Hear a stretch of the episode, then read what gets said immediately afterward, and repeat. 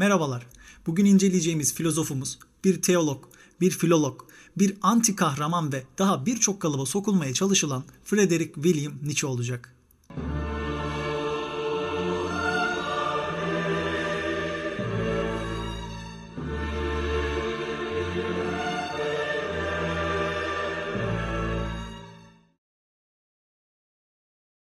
Nietzsche 15 Ekim 1844 yılında Prusya Devleti'nin Lutzen kentinde dünyaya geldi. Babası ve dedesi papaz olan Nietzsche, Luteryen Hristiyan bir aile yapısı içerisinde büyüdü ve sert kalıplar ve kırmızı çizgiler içerisinde pek özgür olmayan bir yaşantıyla dünyaya geldi. Nietzsche dünyaya geldiği gün Prusya Kralı Frederick William'ın da doğum günü olduğu için Nietzsche'ye vaftiz isim olarak William ismi verilmişti ailesi tarafından. Ve dindar aile yapısı içerisinde büyüyen Nietzsche kız kardeşiyle beraber bu kalıpların dışına pek çıkamadılar. İçinde bulundukları bu dini yaşamın sınırları içerisinde büyük bir trajedi yaşayacaklardı. Babaları o dönem beyin yumuşaması denilen bir hastalıktan dolayı hayatını kaybedecekti. Ve gözlerinin önünde eriyerek hayatını kaybeden babaları Lutfin büyük bir trajedi bırakacaktı çocuklarına. Ve en büyük korkuyu da Nietzsche taşıyacaktı içinde. Bir gün bu hastalıktan ben de hayatımı kaybedebilirim diye. Babalarının ölümünden sonra anneleri Nietzsche'yi ve kız kardeşi Elizabeth'i de alarak anneannelerinin yanına gitti ve geniş bir aile etrafında teyzeler, anneanneler ve hep beraber geniş bir aile içerisinde yaşadılar. Nietzsche bu kadın topluluğu içerisinde bulunan tek erkek bireydi. Ve aile gittikçe onu şımartmış ve üzerinde dini bir baskıda empoze etmişti Nietzsche'ye. O yüzden annesinin en çok istediği şey olan Nietzsche'nin papaz olması yani din adamı olarak yetişmesi talebine uygun olarak Nietzsche Bonn Üniversitesi'nde filoloji ve teoloji okumak üzere üniversiteye başlayacaktı. Nietzsche ailesinin ona çizmiş olduğu sınırların dışına ilk kez çıkacaktı ve üniversite hayatında kendi belirlediği düşünceler ve yönler üzerinde ilerlemeye başlayacaktı. Bonn Üniversitesi'ne başlayan Nietzsche orada birçok müzik kulübüne üye oldu, besteler yaptı, kavgalara karıştı ve olduğu olabildiğince aktif bir şekilde üniversite hayatını geçirmeye başlayacaktı.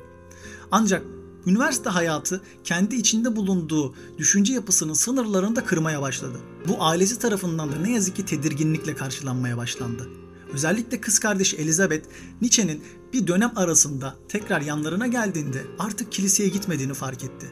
Ve Nietzsche'yi bu konuda uyarmaya başladı. Ancak Nietzsche üniversitedeyken kız kardeşine dini hayatını sorgulaması gerektiğini belirten bir mektup yazacaktı. Ve ara pasajlarında o düşüncesini de şu şekilde dile getiriyor.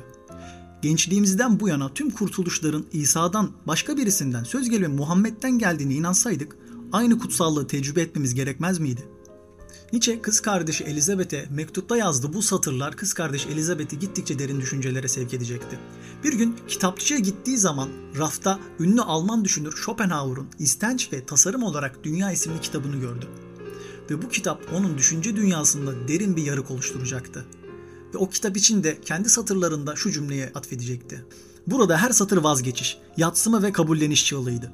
Burada dünyayı yani yaşamı ve insanın doğasını ürkünç bir muhteşemlikle gördüğüm bir aynaya baktım diyecekti Nietzsche.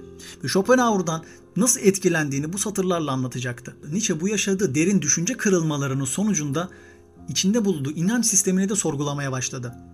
Ona göre Hristiyanlık bir antik Yunan karmasından oluşturulmuş bir ahlak sisteminin devamı haline gelmişti. Ve içinde bulundukları inanç sistemi ne yazık ki antik Yunan'ın kötü bir kopyasıydı. Bu yüzden Soy Kütüğü isimli bir kitap yazacaktı ve içinde bulundukları ahlak sisteminin temel kavramlarını antik Yunan'a kadar takip ederek bu kavramların aslında filozoflar tarafından günümüze nasıl bozularak özellikle Sokrates karakteri üzerinde nasıl bozularak getirildiğini izleyecekti. Ve bunu insanlara sunacaktı. İçinde bulunduğunuz dini anlayış ne yazık ki Tanrı'yı öldürme eğilimine geldi. Ve bu da sizin yüzünüzden oldu. Nietzsche'ye göre aslında tek bir Hristiyan vardı ve o da öldü. Çünkü o da sadece ve tek olan İsa'nın ta kendisiydi. Nietzsche içinde bulunduğu aile yapısı nedeniyle kadınlara çok naif ve nazik davranan birisi gibi görünmesi gerekiyor aslında. Ancak kadınlara olan tutumundaki değişiklikler e, bir genel evde yakalandığı frengi hastalığı nedeniyle de birazca kötüleşmeye başlıyor ve kadınlarla ilgili sözleri daha sertleşiyor ve ne yazık ki e, iletişim kurduğu ve ilişki kurmak istediği, sevgi bağlamında ilişki kurmak istediği kadınlardan red yemesi de kendisini kadınlara karşı birazcık bileyliyor aslında. O yüzden e, kadının yanına gidiyorsanız mutlaka kırbacınızı unutmayın gibi birazcık içinde e, kendi sinirlerini ve sistemini de barındıran cümleler kitaplarında geçmektedir. Nietzsche üniversite hayatında akademik olarak çok iyi eserler ortaya koyması nedeniyle e, genç yaşında profesör ünvanını kazanacaktı ve o kadroya hemen atanarak görevine başlayan Nietzsche Basel Üniversitesi'nde filoloji ve felsefe dersleri vermeye başladı. Ancak Basel'de tanıştığı ve çok sevdiği temel arkadaşlarından birisi olan Wagner'le tanışacaktı. Wagner bir müzisyen e, Wagner'de Nietzsche'yi etkileyen en önemli şeylerden bir tanesi Wagner'in müzik kullanarak insanların e, bilinç düzeylerini yükseltmesi ve onlara bir şeyler öğretiyor olmasıydı. Nietzsche de onun e, dinletilerine birçok kere katılmıştı. Ve Nietzsche'de şu duyguyu uyandırmıştı Wagner. Müzik dediğimiz şey antik Yunan'da Dionysosçu bir eğlencedir. Ve zevk ve, e, zevk ve sefa için yapılan bir eğlencedir. Apolloncu da bir tutum vardır antik Yunan'da. O da bilgiyi önde tutmaya çalışır. O yüzden hazza ve düşkünlüğe karşı duran bir tavır içindedir. Ancak Wagner müzik ile yani Dionysos'la Apollon'u yani bilgiyi birleştirerek kendi koyduğu eserlerde insanlara hem senfoni müziksel bir haz veriyor hem de onlara bir şey öğretiyor. Demek ki o zaman bu ikisinin birleşiminden sanat ortaya çıkabilir görüşüyle Apollon ve Dionysos üzerindeki ayrımı ele alacak düşüncelere doğru sürüklenmeye başlayacaktı. Buna neden olan da Wagner'in kendisiydi. Ancak Wagner ne yazık ki daha sonra e, daha da popüler olduktan sonra diyeyim açıkçası e, yüksek zümrelere bunu sadece para karşılığında yapmaya başlaması nedeniyle veya onun da etkisiyle Nietzsche ile araları gittikçe bozulmaya başlayacaktı. Wagner ile Nietzsche'nin arkadaşlığı da Nietzsche'nin ona karşı yazdığı, ismini alarak yazdığı metinlerle beraber yavaş yavaş bitmeye başlayacaktı. Dostluklarının yanı sıra Nietzsche vatansever ve Dostluklarının yanı sıra Nietzsche, üniversitede görev yaptığı sırada Fransa ve Almanya arasında çıkan savaş nedeniyle vatanseverliğini ön planda tutarak savaşa katılmıştı. Askerlikte hasta bakıcı olarak görev yaptı ama askerlik sırasında attan düşerek yaralandıktan sonra bir süre sonra da dizenteriye yakalandı. Ve dizenteri yakalandıktan sonra artık ömrü boyunca hastalıklarda peşini bırakmayacak. Ee, yakalandığı dizenteri nedeniyle e, askerlikten hemen ayrılan Nietzsche üniversitedeki görevine döndü. Ancak Basel'de de ders yoğunluğu çok fazla olduğu için ne yazık ki hastalık da peşini bırakmadığı için derslerini veremeyecek noktaya gelmişti. Ve kendisi malulen emekli sayıldı ve İsviçre ve İtalya arasındaki köylerde ve kasabalarda hayatını idame ettirmeye başlayacak. Nietzsche'nin bu hastalık dönemlerinde kendisini inzivaya çektiği zamanlarda kendisine dostluk eden, arkadaşlık eden Paul Rue ve Laus Salome ile çok yakın dostluklar kuracaktı. Rus asıllı olan Laus Salome'ye karşı bir şeyler hissetmeye başlayan Nietzsche, arkadaşı Rie'den Salome ile konuşmasını istedi ve ona duyduğu aşkı Rie'nin anlatmasını talep etti. Ancak Salome Nietzsche'nin ona olan aşkına karşılık vermeyerek Nietzsche'yi bir kez daha yıkama uğratacaktı. Ve Nietzsche kadınlara karşı olan şanssızlığını bu sefer de yıkamamıştı ve gittikçe yalnızlaşmaya başlamıştı. Hastalıklarla boğuşan Nietzsche, frenginin ikinci ve üçüncü aşamalarını yavaş yavaş geçmeye başlıyordu. Hastaneye yatırılan Nietzsche oradaki bakımlarının ardından annesi refakatinde annesinin yanında kalmaya başladı. Kız kardeşi Elizabeth de eşi nasyonal sosyalist olan eşinin hayatını kaybetmesi yani intihar etmesinden sonra hemen annesinin yanına erkek kardeşine bakmaya geldi ve anne ve kız olarak Nietzsche'ye bakmaya başladılar. Nietzsche'nin kız kardeşi Elizabeth, Nietzsche'nin 50. yaş gününde bir Nietzsche arşivi oluşturulması gerektiğini düşündüğü için girişimlere başlamıştı. Ancak Nietzsche'nin arşiv için eksik olan tek şeyi tablosuydu. Nietzsche'nin tablosu hiç yapılmamıştı.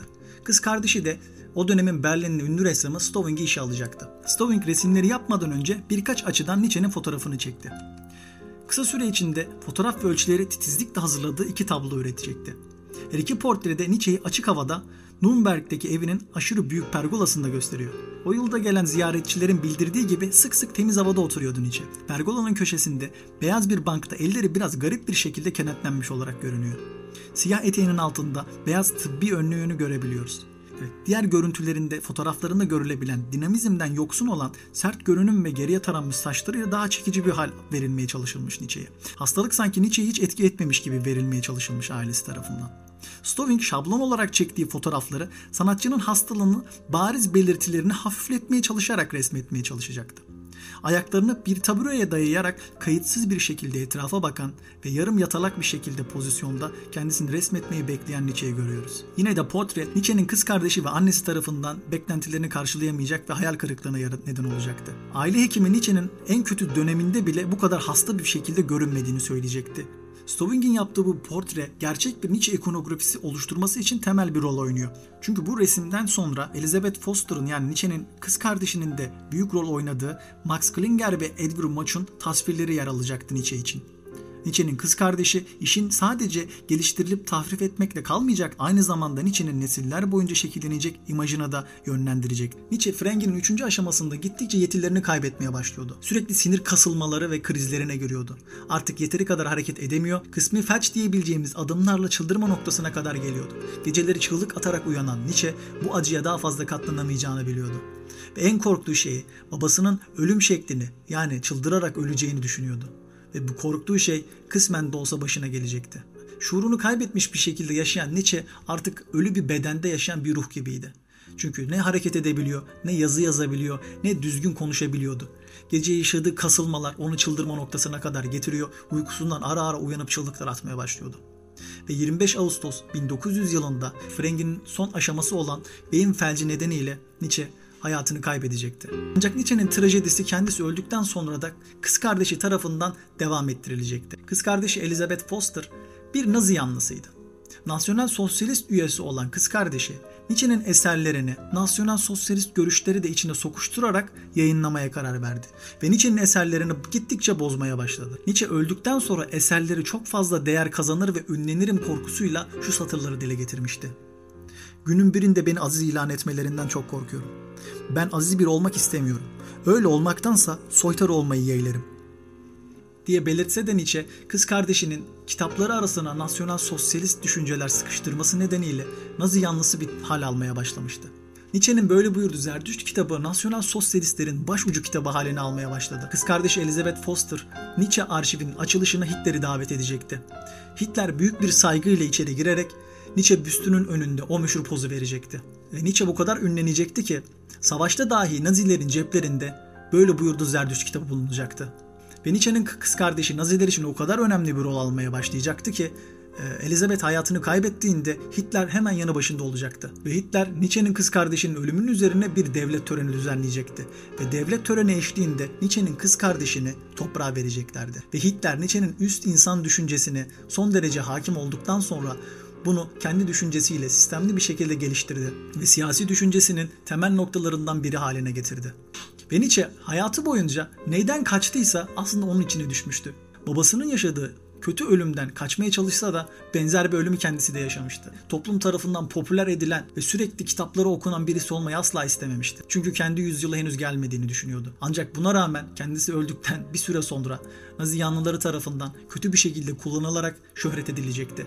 Ve Nietzsche neyden kaçtıysa onun içine fazlasıyla düşecekti.